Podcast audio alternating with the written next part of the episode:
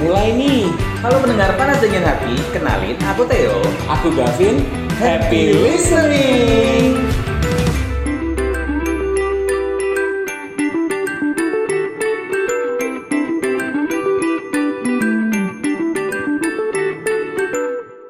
Wah gila sih, aku nge-scroll TikTok ya gak ya. Beberapa hari ini tuh isinya tuh kayak Dodi Mayang, Dodi Mayang, Dodi Mayang hari-hari anjir. Disclaimer buat seluruh pendengar panas dingin hati, Hah? Theo itu pengen banget ngebahas soal Dodi. Bukan pengen banget ngebahas lagi, aku tuh pengen banget kayak apa ya kayak wanjing gitu loh kayak Kamu ada hubungan apa sih sama Dodi? sebenarnya gak Uh-uh. aku adalah Anak. tertukar enggak lah Jadi harusnya kamu yang Ya, dibahas jangan dong, Vanessa. ya, jangan dong coy, jangan. Tapi maksudnya di dunia pertiktokan ram, ram di dunia pertiktokan dengan perdramaan Indonesia lagi rame dengan Dodi dan Mayang. Ya, jadi Perebutan harta ya. semua FYP kita ya kita berdua Yes. Mungkin semua pen- para pendengar panas dingin hati juga FYP-nya di TikTok itu rata-rata Dodi Mayang, Dodi, Dodi Mayang Mayang. gitu kan, Dodi Mayang mulu sampai ke dia bikin YouTube ya. Ya lagu-lagu. Iya, dengan dislike terbanyak. Itu trending loh. iya, jadi trending loh. dislike-nya paling banyak daripada like-nya. Yeah. Iya kan? Tapi itu kalau drama-drama booming di, di, di TikTok dan di apa ibaratnya? Di sosial di media. sosial media. Tapi kalau untuk perfilman Iya. ada lagi nih yang lagi booming. Bahkan kalau katanya Dian Sastro Wardoyo nih. Yes. Ini film terbaik Indonesia yang dia tonton di 2021. Ya, jadi katanya dia satu betul-betul ini film the best. Versi Ya, dia. Versi dia. Film apa tuh? Filmnya adalah seperti dendam rindu harus dibayar tuntas. Eh, lagi-lagi kok kayak panjang judulnya. Seperti dendam rindu harus dibayar tuntas. Aku harus pakai baca alat baca puisi. Oh iya nggak sih? boleh. Ini kan kayak Iya. film-film sastra gitu kan. Coba lagi-lagi. Kamu jurusan sastra dulu. usah. Oh nggak usah. Ya jadi film seperti kita ngomong seperti dendam aja kali ya. Seperti Kepanjangan kalau kita ngomong. SDR hati. Eh lebarnya lebih ribet, mohon maaf.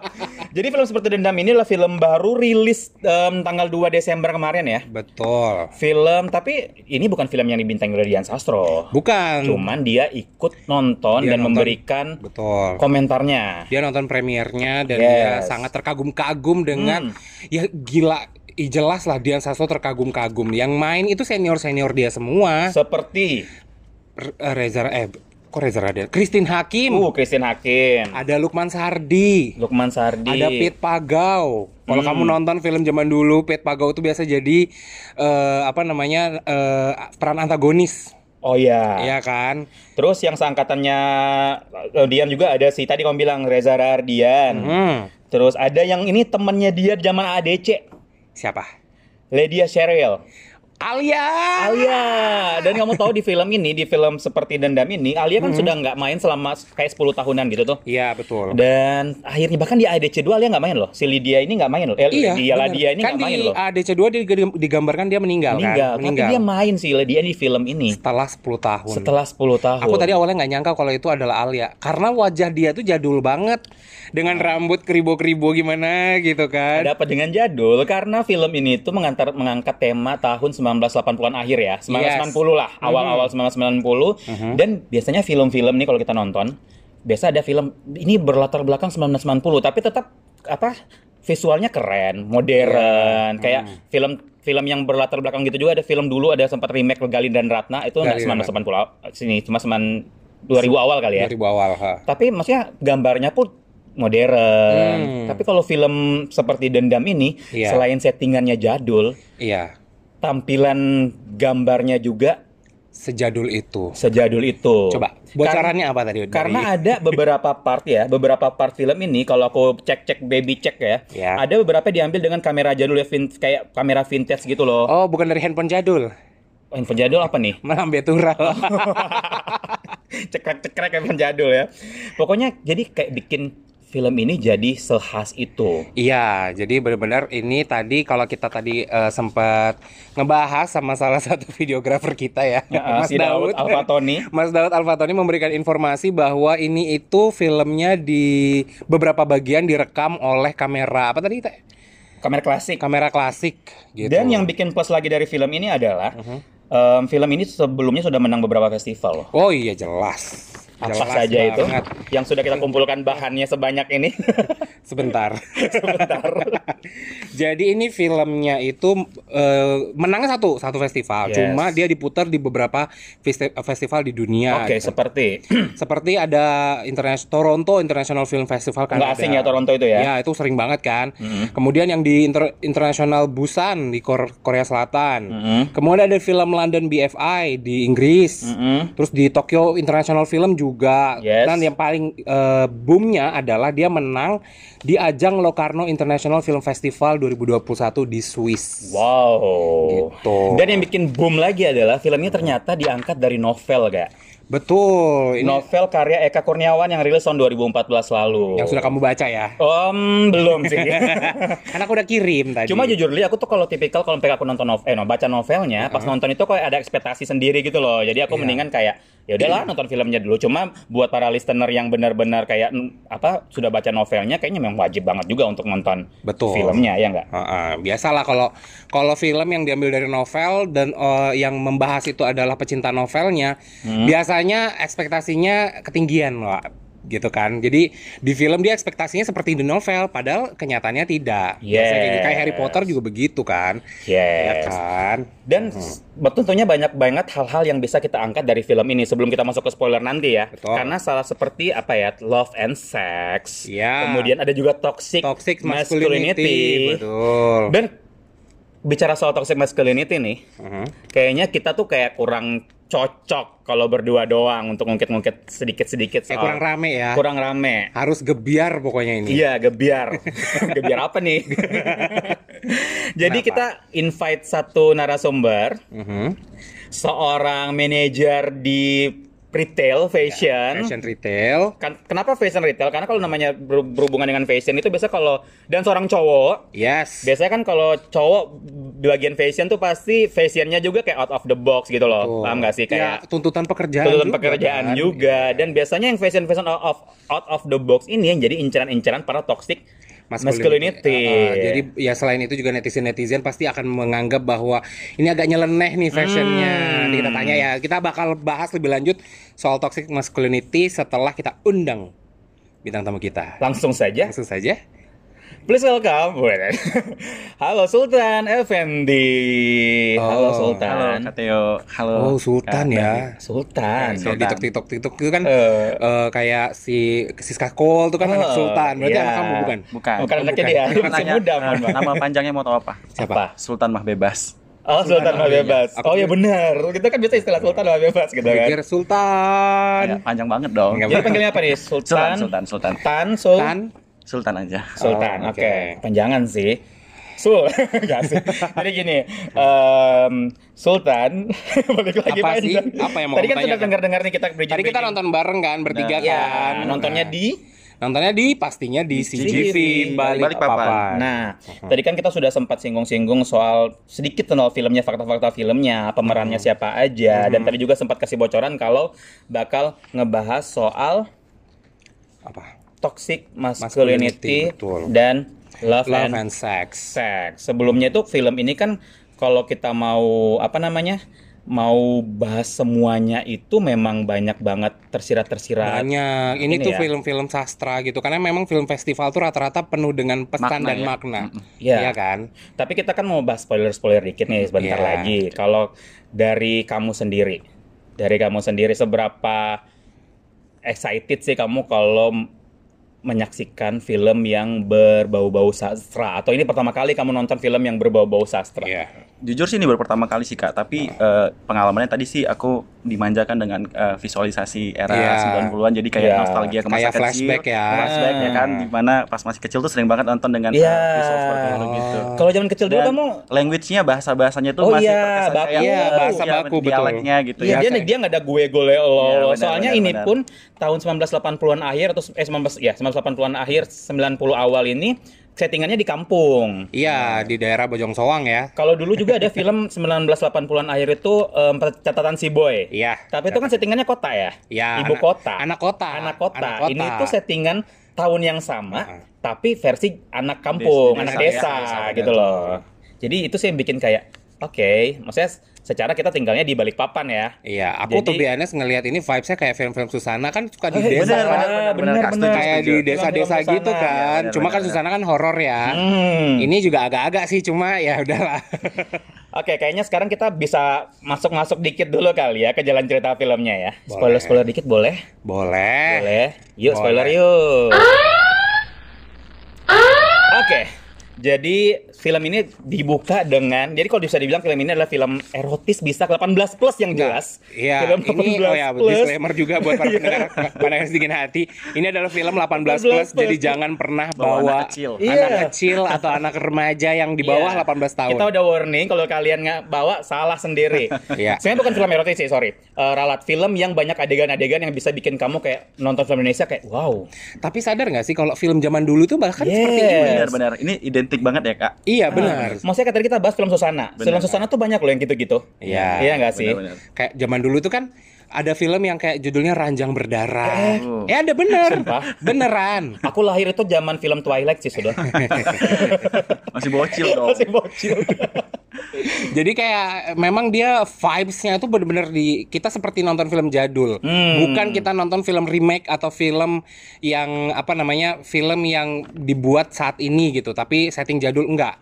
Ya kan, jadi ini bener-bener film jadul, bahkan CGI-nya juga CGI Iya, jadul ya kan. Dan posternya brandingnya juga begitu. Posternya Yes. dari posternya, dari posternya udah kita lihat kan kalau benar-benar. dia itu kayak ya poster jadul nggak ada yang kayak zaman sekarang. Ya, tayang Yes. dulu kalau di bioskop kan gimana. Betul. bener. Jadi film ini berceritakan tentang Ajo Kaw- Kawir yang diperankan oleh Martino Leo. Jadi Ajo Kawir ini memiliki masalah kesehatan yaitu dia tidak bisa ngaceng. Kalau di filmnya ngomongnya ngaceng, Ngaceng. atau turn on, ereksi. Ya, ereksi. Dan di opening filmnya pun udah dibuka dengan seorang Christine Hakim Betul. yang ternyata jadi sosok yang berusaha membantu si Ajo Kawer ini untuk bisa turn on. Iya. Dan itu kamu bakal lihat seorang Christine Hakim yang kamu mungkin lihat kayak biasanya film-filmnya emang selalu luar biasa ya. Iya, se- Cuma seorang ibu yang anggun Hmm. gitu kan, seorang ibu yang anggun yang yang kita hormati. Iya, dia tiba-tiba berurusan dengan burung. Gimana ceritanya nih?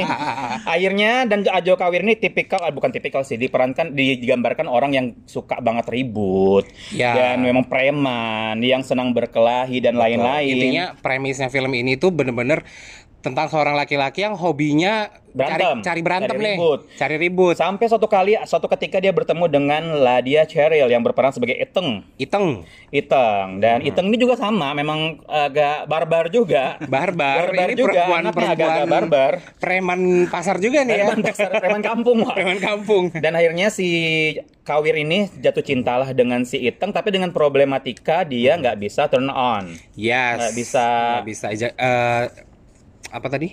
Aku lupa. Em, Ereksi. em, ini kalau di situ di film itu dia ngomongnya apa? Nganceng. Ngaceng, nggak bisa ngaceng. Jadi awalnya tuh kayak, kamu bayangin dong gila ada cowok Mhm. terus deketin kamu, tapi dia ragu gara-gara dia tuh nggak percaya diri karena dia nggak bisa ngaceng. Betul. Tapi di film ini akhirnya si em, si Iteng menerima ya, men- menerima. Iya. Walaupun di sisi-sisi tertentu dia ternyata memang haus akan ya, masih membutuhkan lah. Nah, di sisi lain ada sosok yang bernama Budi Baik yang dipersap, Nah. diperankan oleh si fenomenal. The Phenomenal Reza Rahardian. Nah, kalau di sini kenapa tadi kita ada bahas soal masculinity? Kalau Reza Radiani ber, kalau si siapa? Si Budi Kawir, si Kawir kan benar-benar tipikal cowok yang nggak bisa ngaceng. Iya. Yang otomatis itu ibaratnya kayak kalau cowok itu kamu tuh dilihat bukan dilihat dari situ sih kayaknya kamu kalau kamu strong kamu Kejantanan, cowok iya. kejantananmu wow dong harusnya Pokoknya Nah, kalau cowok jantan itu ya si Reza Rahadian inilah. Nah, ya, Reza di situ ya. Rahardian, Ya. makanya Reza Rahardian ini di, di, di sini digambarkan sebagai seorang laki-laki brengsek tanda kutip Betul. yang benar toxic mas toxic masculinity banget, yang dia itu merasa kalau pokoknya cowok tuh kayak aku nih, Ya, strong, bisa me, apa sama cewek dia bisa memanipulasi perempuan. betul. Karena di film juga ada adegan-adegan si Reza Rahardian em, Melakukan pe- pelecehan seksual ya. bukan bukan Nggak. pelecehan seksual sebenarnya lebih kayak dia kayak menderak, mengen- merendahkan wanita dengan Iya. sembarang memegang. Benar, sexual gesture. harassment ya. Iya, sexual harassment. seperti itu. Nah, kalau si sebelum kita lanjut spoiler-spoiler tipis nih ya, Mhm. kalau menurut Sultan nih, apa sih toxic masculinity menurut kamu tuh? Oke, bicara tentang toxic masculinity itu pasti kayak eh, bagaimana cara standar jadi seorang pria sih gitu ya.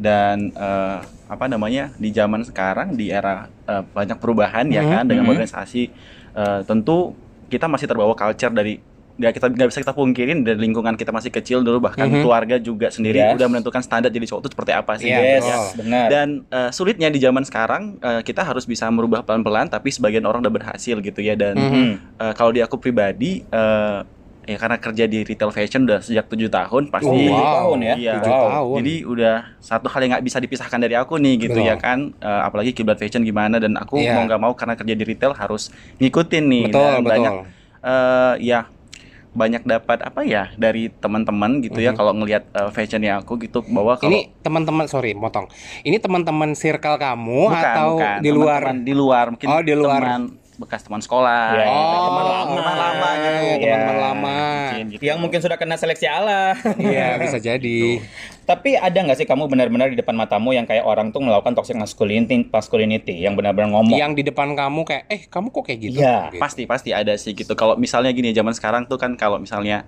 aku tuh kan lihat sendiri tuh maskerku ada mutiara-mutiaranya gitu ya. Mm-mm. Oh, Mutiara iya. tuh kan identik dengan cewek gitu. Iya. Jadi kalau misalnya aku pakai teman pasti tanyain. Padahal kalau kita ngelihat dari fashion sekarang tuh banyak yang pakai gitu Iya, ya. benar-benar. Gitu kan. Biasa Dan aja. Biasa aja gitu. Iya benar Itu karena sih.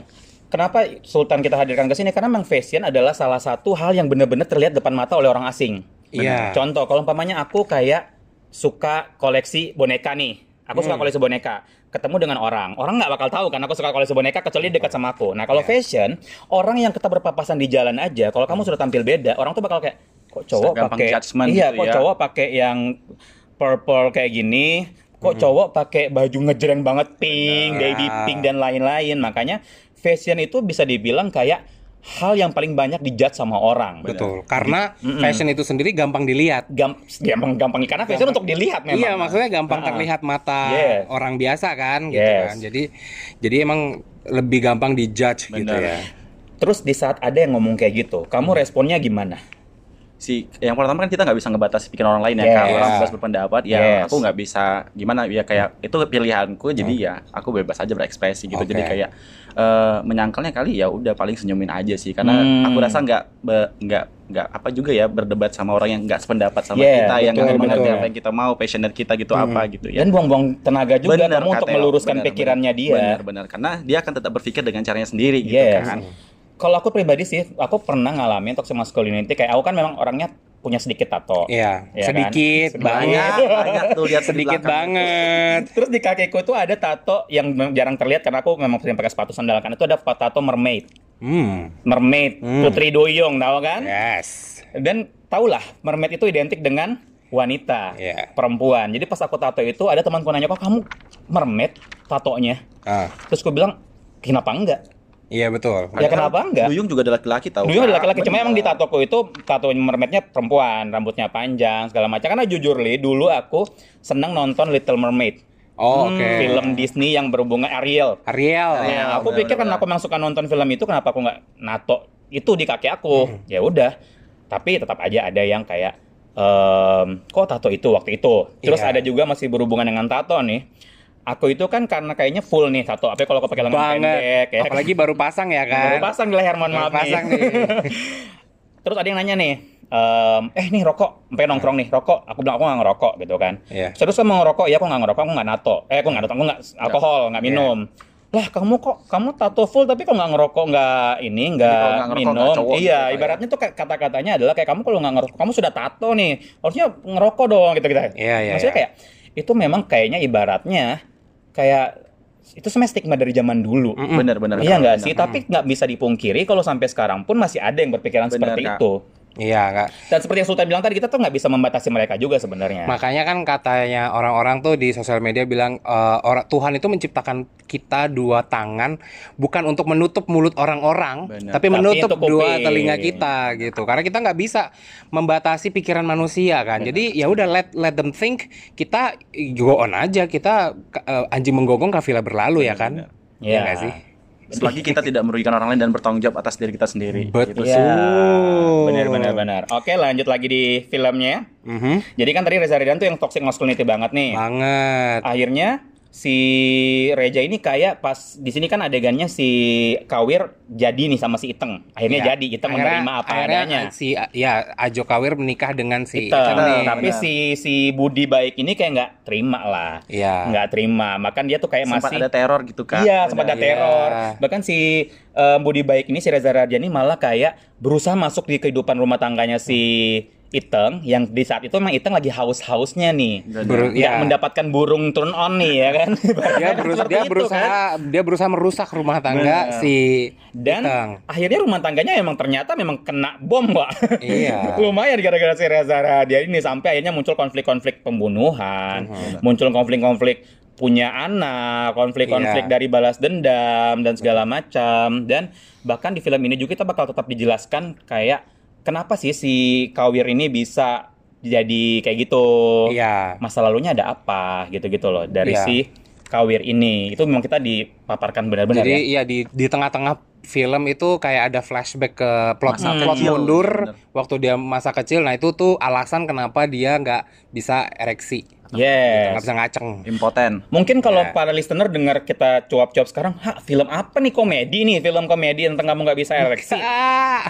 Nonton deh, kamu tuh bakal kayak mikir, bukan mikir sih lebih kayak, wah ternyata gini, oh ternyata dari sisi jalan pikirannya si ini begini, ternyata Iya. dari sisinya si ini begini gitu loh. Iya. Sampai bener-bener kayak kita tuh dibikin kayak, oh ternyata gitu, karena oh ternyata dia bisa itu karena itu, oh ternyata kenapa judulnya dendam karena memang ada luka masa lalu ada luka Ada luka masa masa lalu dan ada bener. apa yang harus dibayar. Dan emang harus dibayar tuntas. Bener. Kenapa juga ada kan? kata rindu di situ? Karena memang kamu kalau berpisah dengan seseorang, kamu pasti punya keinginan untuk bertemu kembali. Iya.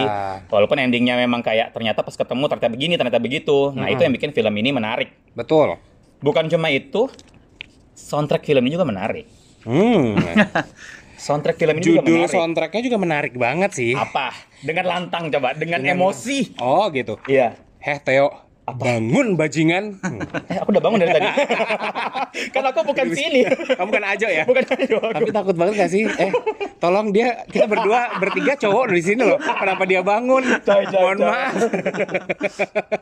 Jadi kalau soundtracknya sendiri adalah namanya Bangun Bajingan Bangun ya. bajingan. Bangunnya merupakan lagu yang dirilis oleh Ananda Badulu featuring Rubina. Badudu. Eh Badul, ba- sorry Badud Ananda Badudu featuring, Featuring Rubina. Kolaborasi dengan Dev Lumenta dan Indra Perkasa yang rilis minggu lalu tanggal 25 November 2021. Jadi sedikit cuplikan lagunya nih nih. Indie banget ya anak senja. Anak, senja, banget. Ini, ini kalau dengar lagu ini sambil di pinggir pantai nyeruput kopi hitam. atau teh teh anget, Teh gitu anget, kan? Pas nih. Iya. Atau enggak tolak angin kayaknya. Angin. Pokoknya sih mas garis besarnya film itu yang tadi kita sudah bilang ya. Kita kalau mau detail-detailkan pun kalian mendingan datang ke sini. yes. Tapi pokoknya kalau aku pribadi nih, adegan favoritku nih, aku bocor spoiler-spoiler lagi. Hmm? Aku tuh adegan favorit dulu ju- jujur li ya, aku adegan dewasa aku favorit. Why? Iya. Karena film Indonesia jarang ada yang seberani ini. Dan di zaman sekarang. benar benar Iya. Di zaman Dan sekarang. film barat pun disensor. benar Eternal disensor. Mohon maaf nih, Eternal saya disensor. Ini tuh Eternal Sangchi disensor. Yes, ini tuh aku nggak tahu ya disensor beberapa part mungkin iya disensor. Banyak banget katanya. Cuman, untuk film Indonesia kok kayak gila ini berani Ini banget sih. Indonesia loh. Keren ini sih mereka. Dan maksudnya bukan film ecek-ecek yang banyak adegan dewasa dulu kan nggak? Dulu tuh zaman dulu ada film horor-horor ecek-ecek Iya. yang banyak adegan-adegan siurnya. Ini tuh beda konsep coy. Mm. Gitu. Ini emang film-film ya film sastra yang yang memang seks itu adalah bagian hidup gitu loh Yes. dalam dalam kehidupan kita sehari-hari. Jadi itu sesuatu yang normal tabu dan gitu ya bukan kan? tabu, Iya. jadi udah wajar gitu kan. Benar. Kalau kamu dulu, sebelum kita masuk soal seks-seksan ini ya, Mhm. adegan favoritmu apa sih? Kita nonton bareng tadi. Ah, oke. Aku sih kayak maksudnya sekarang tuh kan tadi benar-benar mempertahankan kayak era 90-an Kak Theo masih ingat nggak sih kalau fi- film itu kayak ada hal yang kurang masuk akal gitu ya. Hmm. Misalnya contoh kayak tadi yang lompat itu pada saat adegan laganya Ah, ah. itu kayak lucu banget sih menurut aku. Kemudian yang ah. kemudian yang jatuh dari apa namanya?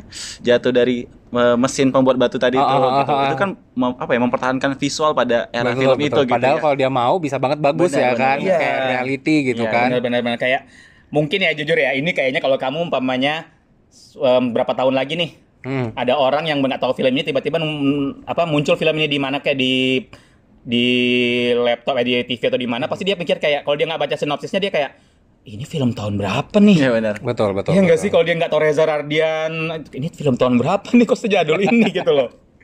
Kalau aku sih sukanya eh, karena ini film nggak cuma dia mempertahankan apa namanya eh, jadulnya ya. Jadi di, di di zaman dulu itu juga masih kuat banget kultur atau budaya yang dipertahankan budaya Indonesia. Contohnya pemberian sesajen. Oh ya. Iya kan, dia tuh ada memberikan sesajen yang akhirnya dimakan sajennya masih Ratu Felisa. Iya benar. Oh Di iya ada Ratu Felisa. Ada Benar, Ratu Felisa di situ. Berperan sebagai siapa Jelita. nih? Jelita. Jelita. Hafal banget. Karena tadi jelita itu ada di belakang truk gitu tuh ngeliat nggak sih? Oh iya, oh iya sama itu salah satu hal menariknya sampai deh banyak kalau ingat kan zaman dulu tuh ada truk-truk yang ditulis Iya. pulang. nggak pulang, Nggak- nggak ya gitu-gitulah. Eh, eh, ma- pulang rindu, nggak Nggak pul- nggak pulang malu, eh Ma- pulang malu nggak pulang rindu. Iya, iya benar-benar itu.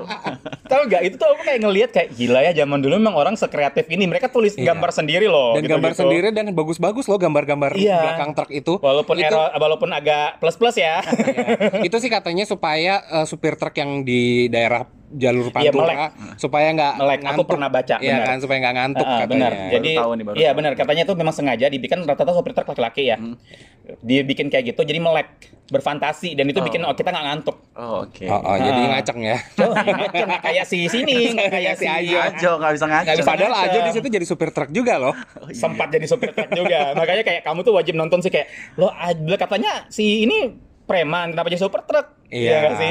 ya harus nonton sih. Harus nonton. Terus kamu kayak si istrinya si Iteng, Iteng, kamu jangan salah walaupun cantik seperti itu. walaupun mungil ya kan Alia kan mungil Alia kecil mungil, gitu kalau kan. kita lihat Alia Iya. mungil-mungil bunuh diri. Iya bungil terus disiksa gitu kan Disiksa. dia pasrah disiksa Kalau ini siapa yang mau disiksa? Ini nggak ada yang berani siksa dia. Bahkan si Iteng ini memang kayak diceritakan juga masa lalunya seperti apa, kenapa Iya. dia bisa jadi karakter yang seperti itu. Iya betul. Bener, bener-bener wow sih. Mhm. Nah, tadi kan aku sudah bilang kita ini kan film juga bercerita tentang love and sex. Love and sex. Love Jadi setelah tadi kita bahas sex. Tadi kan ada toxic masculinity tuh. Mhm. Dan ini juga menyinggung soal love and sex. Kenapa love and sex?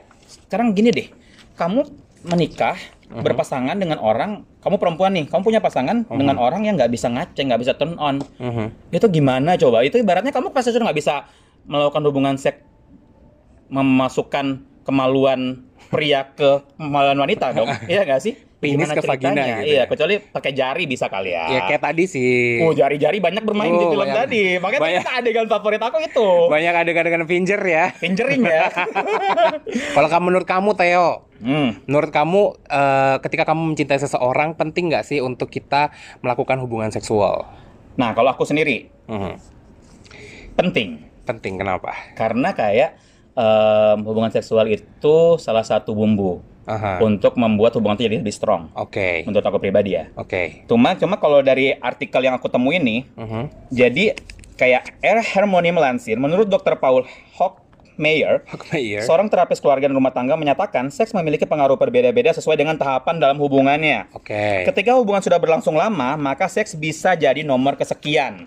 Oh, seks gitu itu ya? bisa jadi nomor kesekian kalau hubungan muda lama ya. Ya nggak tahu ya. Terus, tapi beda cerita kalau apa namanya Masih em, baru. masih baru Masih karena baru. kalau masih baru seks itu kayak ini loh mengatakan kalau seks itu ada em, apa ibaratnya Menggebu-gebu. menggebu-gebu dan itu bisa Aha. meningkatkan emosi dan koneksi antara Gitu ya, pas- kamu dan pasangan. Kalau baru pacaran tuh menggebu-gebu bawaannya ya. Iya. Nggak tahu ya, soalnya Kalau pengalamanku kalau- pribadi, kalau menurut aku, kalau menurut aku, ya penting, penting karena ketika kita berhubungan dengan seseorang itu kan butuh yang namanya komunikasi dan Hmm. katanya memang seks ini adalah bentuk komunikasi tertinggi kita dengan pasangan kita. Wow. Jadi tanpa kita harus ngomong, kita sudah bisa berkomunikasi. Kita maunya apa, ya kan? Yes. Body language ya, Body Kak? language Body berbicara language. sampai kita ketemu goalnya gitu katanya Based dokter true- Boyke. based on true story Enggak, itu kata dokter Boyke. Kan aku baca buku, baca-baca teori. Kalau kamu Oke, mungkin aku bicara dengan usia yang saat ini kali ya Kak Teo. Mungkin berapa sih? Emang usianya berapa sih? Masih lihat lah, mungkin berapa kira-kira? Masih belia ABG ya? lah. Di bawah pokoknya. 30 lah tentunya. Ya. Jadi mungkin kalau bagi kita ya masih anak anak muda lah ya kita Mhm. bilang ya. Yes. Ya mungkin kalau nggak bisa dipungkirin sih kalau misalnya cinta tanpa seks ya. Tapi mungkin kita nggak tahu dengan usia yang lebih dewasa nantinya. Iya. Mungkin kan perilaku seksnya tadi bisa jadi berubah gitu. Mencintai tanpa harus eh, seks mungkin bisa jadi gitu ya. Iya. Mungkin ada juga begitu. Tapi kalau Iya. kita lihat dari film tadi kan misalnya kalau kita ngeliat si apa tadi namanya? A- Aco. Eh, kan Ajo. siapa bukan Itang. Itang Itang. Itang ada akhirnya kan dia Betul. kalah gitu ya. Kalah, dia dengan- tetap haus, haus Ah, burung haus. tetap. Pada akhirnya menjadi kebutuhan gitu ya. Walaupun Ah. dia mungkin udah menahan selama beberapa bulan atau beberapa Betul. tahun Iya. gitu ya. Dan zaman itu nggak ada dildo ya. Nggak ada kali ya. Belum ada alat untuk ada alat membantu ya. penetrasi ya. Ya benar benar benar. Tapi memang sih ke apa?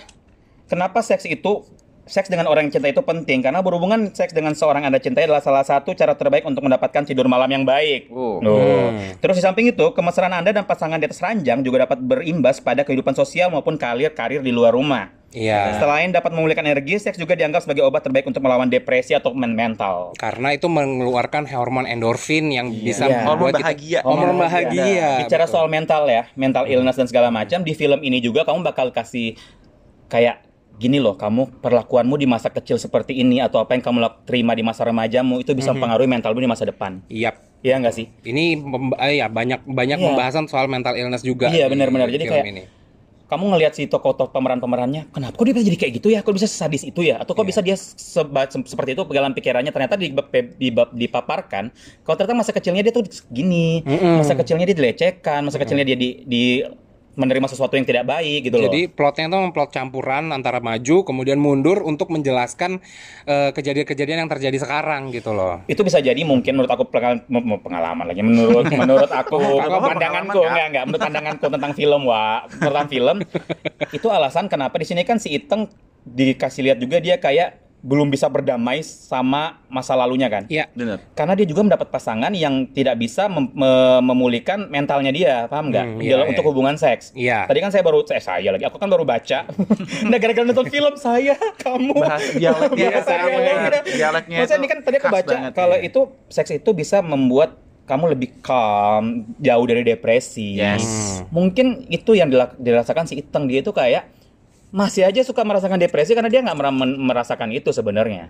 Ya enggak? merindukan masa-masa yang Merindukan masa-masa. Tapi aku salut sih sama si Ajo di situ. Maksudnya di situ dia meng- menggambarkan bahwa eh, memang tidak tidak harus seks gitu loh. Benar. Ketika kita mencintai, Hmm. ya nggak mesti seks. Toh Iya. kita masih bisa mencintai dengan cara kita sendiri. Mm-mm. Jadi tanpa harus kita men- menomorsatukan seks, walaupun dia masih baru kan tadi ketemu gitu kan. Tapi dengan keterbatasannya dia, dia masih bisa tetap mencintai. Bahkan waktu terakhir eh, yang ketika tahu ada sesuatu si Iteng melakukan sesuatu dengan Ah. si Radian. Budi baik Ah. itu kan Dia dia, se sedepresi itu, sedepresi itu, sedepresi sampai itu. dia minta untuk dicemplungkan. Iya. iya kan oh enggak dia dia habis dia sampai ngebunuh Sampai ngebunuh. Yang dia Ngebunuh. awalnya nggak mau ngebunuh jadi ngebunuh. Ya, betul yang tadinya Benar. dia Sudah men- mau- sudah nggak mau nih Iya. untuk jadi pembunuh tiba-tiba dengan gara-gara kejadian itu akhirnya di- dia fix ngebunuh Yes. orang nah, itu Ini kan masih sangkut-sangkut soal mental illness nih, Sultan. Ini sebenarnya sudah kita pernah kita bahas di beberapa episode kemarin ya. Mhm. Cuma kan pendapat orang berbeda-beda nih. Menurut am kamu mental illness tuh di zaman sekarang itu gimana sih? Eh, penting sih kesehatan mental itu menurut aku penting sih kak kayak misalkan eh, itu kan apa yang ke- apa ya maksudnya apa yang kita lakukan tuh tergantung dari mental health kita Betul. gitu Iya ya. benar-benar benar. Jadi kalau misalkan secara mental udah nggak baik, ya kan, aku yakin pasti apa yang dilakukan juga mempengaruhi. Benar, benar, benar. itu sih kak. Dan kita nggak bisa menganggap remeh hal itu sih. Benar, benar, benar. benar. Maksudnya jujur ya, aku tuh nggak pernah mm, untuk sekarang semakin sekarang itu kalau ada orang kayak menceritakan soal mental mentalnya dia atau dia kayak lagi depresi apa, sebaiknya kita kayak kalau kamu nggak bisa kasih masukan yang baik untuk dia kamu nggak paham tentang apa yang dia alami, mending kamu jadi pendengar yang baik aja paling At least dengerin kak. At least dengerin. Atau kita bisa menyarankan dia untuk langsung ngobrol sama yang memang punya eh, Terapis kompetensi di gitu ya, situ, ya. seperti psikiater, Psikiater. atau Karena anak psikolog. muda zaman sekarang itu kayak kemarin aku baru nonton kemarin banget tuh ada di TikTok, dia tuh ada cewek sekolah kayak SMP apa SMA gitu, berhijab, dia tuh mau lompat dari jembatan. Oh ya? Iya ada, terus itu lagi di sama warga. Maksudnya gila, mental illness itu kamu nggak bisa kayak ah dia pasti sudah sering merasakan asam garam pahitnya dunia bisa dan segala macam sudah berkeluarga cerai Iya. atau apalah-apa sampai dia mental maksudnya Iya. anak SMP pun sekarang bisa Ya, you cannot judge people Nah. by their appearance karena aku to be honest baru kemarin ngajar nih, aku ngajar Mm-hmm. nih sama mahasiswaku online. ya Terus eh, aku tanya sama dia eh, tentang gratitude journalnya dia hari itu apa. Dia bilang I'm so I'm so glad today that I can meet psychiater finally oh to do to deal with my mental illness sir Oh. katanya gitu. Jadi kayak dia tuh usianya masih enam- 16 tahun, Oh. tapi memang beberapa pertemuan sebelumnya aku udah pernah bahas soal mental illness sama Hmm. anak-anak dan dia dan aku emang menyarankan untuk please datangi psikolog atau psikiater. Kalau kamu nggak punya teman yang bisa kamu ajak ngobrol atau bertukar pikiran atau kayak ya bukan kamu nggak punya sahabat dekat banget yang bisa memberikan kamu saran, datang ke psikiater, go see the psikolog or psikiater untuk ngobrol aja. Dan akhirnya dia katanya udah mulai rilis karena baru dua kali bertemu ya katanya ya. Iya. Untuk bisa ngobrol dengan psikolog atau psikiater itu. Jadi- Yes. Jadi, ya saya bilang ya gua aku bilang ya ya semoga bisa cepat sembuh karena aku nggak mungkin jadi pendengarnya dia kan Iya. beda posisinya gitu loh. Maksudnya makanya itu di film ini kita bisa dapat banyak hal selain fakta-fakta yang gue bilang tadi ya selain pemerannya oke-oke, Iya. soundtracknya, sutradaranya, Dan novelnya. Reza Rahadian Reza Rahadian. Reza Radian dia pernah bilang waktu di podcastnya Deddy Kobuser kalau dia sempat datangin psiko- psikolog Ya. setelah habis memerankan sebuah peran. Tapi bukan film ini. Bukan film ini, Iya, benar. Film sebelumnya. Pokoknya kalau film ini tuh kayak banyak hal yang bisa kita dapat soal Betul. toxic masculinity, Mhm. Love and soal sex and love, soal mental juga. Mental Pokoknya illness. kamu kalau pengen dapat pelajaran dengan warna berbeda, Mhm. seakan merasa sensasi nonton film jadul Mm-mm, dengan pemeran-pemeran yang luar biasa, wajib banget langsung ke CGV Balikpapan ya. betul. Langsung Langsung nonton film seperti dendam harus apa tadi? panjang, Pak. Ya? Kita ngomongin tadi Seperti kita dendam seperti rindu dendam. harus dibayar tuntas. Tadi kita Ah. ngomong gitu seperti dendam, seperti dendam, seperti seperti dendam. dendam. Rindu harus dibayar tuntas. Sama Wajib banget ditonton sih buat para pendengar yang suka film Indonesia. Karena kamu tahu nggak, kalau kamu yang nonton film seperti dendam, kamu bisa beli di aplikasi CGV, masukin kode rindu tuntas. Rindu De- Tuntas. Dan kamu bisa dapat buy one get one. Oh wow, nah ini pas banget dengan program kita Movie Date kan. Iya. Kita merekomendasikan banget film ini ya nggak sih? Yes. Untuk ditonton bareng pasangan pastinya. Betul. Dan yang sudah dewasa. Oh iya benar, bukan pasangan ke atas ya. Itu harus di underline kan. Underline. Underline sudah dewasa di atas 18 tahun. Nah sekarang sebelum kita ending-ending nih, Hmm. karakter favoritmu siapa sih di film tadi?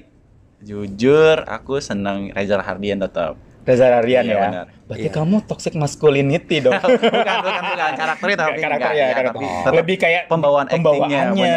Iya. Kayak bisa bunglon gitu sih berubah Iya ubah iya iya. gitu Aku Dia nggak pernah emang- sih nonton film Reja yang dia semacam ini Benar, bentukannya. Jadi antagonis Biasa kan ya. dia cowok yang soft boy Iya, gitu soft ya. boy. Kalau nggak jadi Pak pinter, Habibie, iya. ya kan? Cowok pintar, smart. Ah, tapi emang hebat sih bisa diakui dia bisa segala macam karakter dia bisa. Yes. Benar. Kalau aku si Alia dong, Ladia.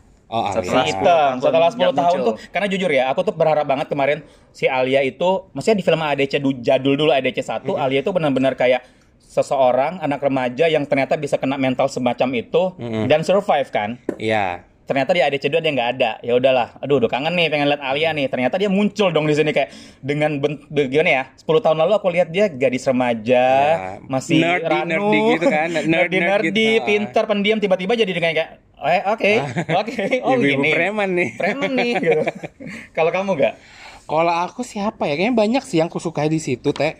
Hmm. Karena tapi yang paling ini sih si Reza Radian sih. Sama si Ratu Felicia. Oh, Ratu, Karena oh iya, Ratu Ratu Felicia Felicia. tuh kayak Jelita. jujur ya, aku tuh sampai nanya kamu kan, enggak itu Ratu Felicia.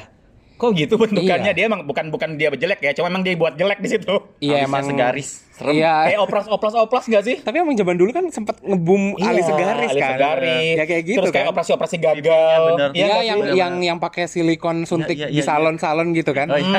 Iya kan. Jadi dia emang Ah. menggambarkan seperti itu. Aku suka Iya. sih karena luar biasa aku udah lama nggak nonton Ratu filmnya Ratu Felicia tiba-tiba dia muncul Iya. dengan dan dia ini adalah karakter kunci sebenarnya. Dan ibaratnya gini, Ratu Felicia biasanya gini, ini kan pemerannya banyak banget nih kayak yang tadi Mhm. sudah kita sebutin. Kebanyakan tuh cameo-cameo sebentar doang. Iya. Tapi Ratu Felicia lumayan nih. dia pen- pemeran pendukung yang Lumayan lumayan, dapat banyak part. Banyak, banyak benar, benar, partnya benar. dan dia memang kayak partnya itu adalah kunci dari si Ajo tersebut Yes. ya kan dia kayaknya ini mengembalikan nih apa yang sudah dialami Ajo dia kayaknya menyembuhkan kemudian Yes. Kayak kun- salah satu kunci yang lumayan penting ya. penting Aduh, pokoknya kita kalau mau bahas film ini sampai panjang nggak selesai-selesai ini udah 38 menit, mohon maaf nih. oh iya aku nggak sadar Iya enggak, aku udah lihat nih biasa loh. 38 menit nih. nggak sadar Saking loh. seru filmnya. Yakin seru Ya, filmnya. Tapi mau- kita nggak mau ini ya. Ini kan termasuk film sastra.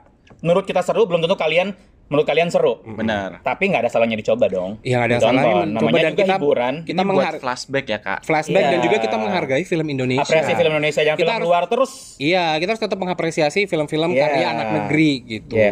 Kalau bicara soal film karya negeri tadi kan di, di diperankan juga oleh pemeran utamanya siapa? Martino Leo. Martino kemarin sempat main film yang keren juga loh. Di Iya. CGV sempat tayang tuh. Iya, sempat nonton sih.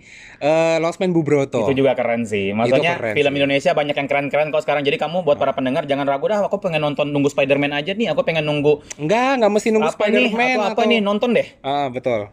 Jadi kita Apalagi kalau dapat tiket free dari kita. Aduh, nah nggak sih? untuk dapat tiket free-nya kalian harus terus pantengin Instagram kita. Di add panas dingin hati ya. Betul. Nanti kita bakal ada giveaway bagi-bagi 6 tiket untuk tiga orang pemenang. Yes. Jadi kalau bisa nonton sama pasanganmu kayak kayak yang kamu bilang tadi gak. Mhm. Dan selain itu ada banyak promo-promo seru nih dari CGV. Apa tuh, Teh? Yang pertama ada Monday Member Day. Khusus di hari Senin kamu bisa dapat diskon 50% atau buy one get one. Khusus member ya, member Iya, day ya. ya buat member. Ya.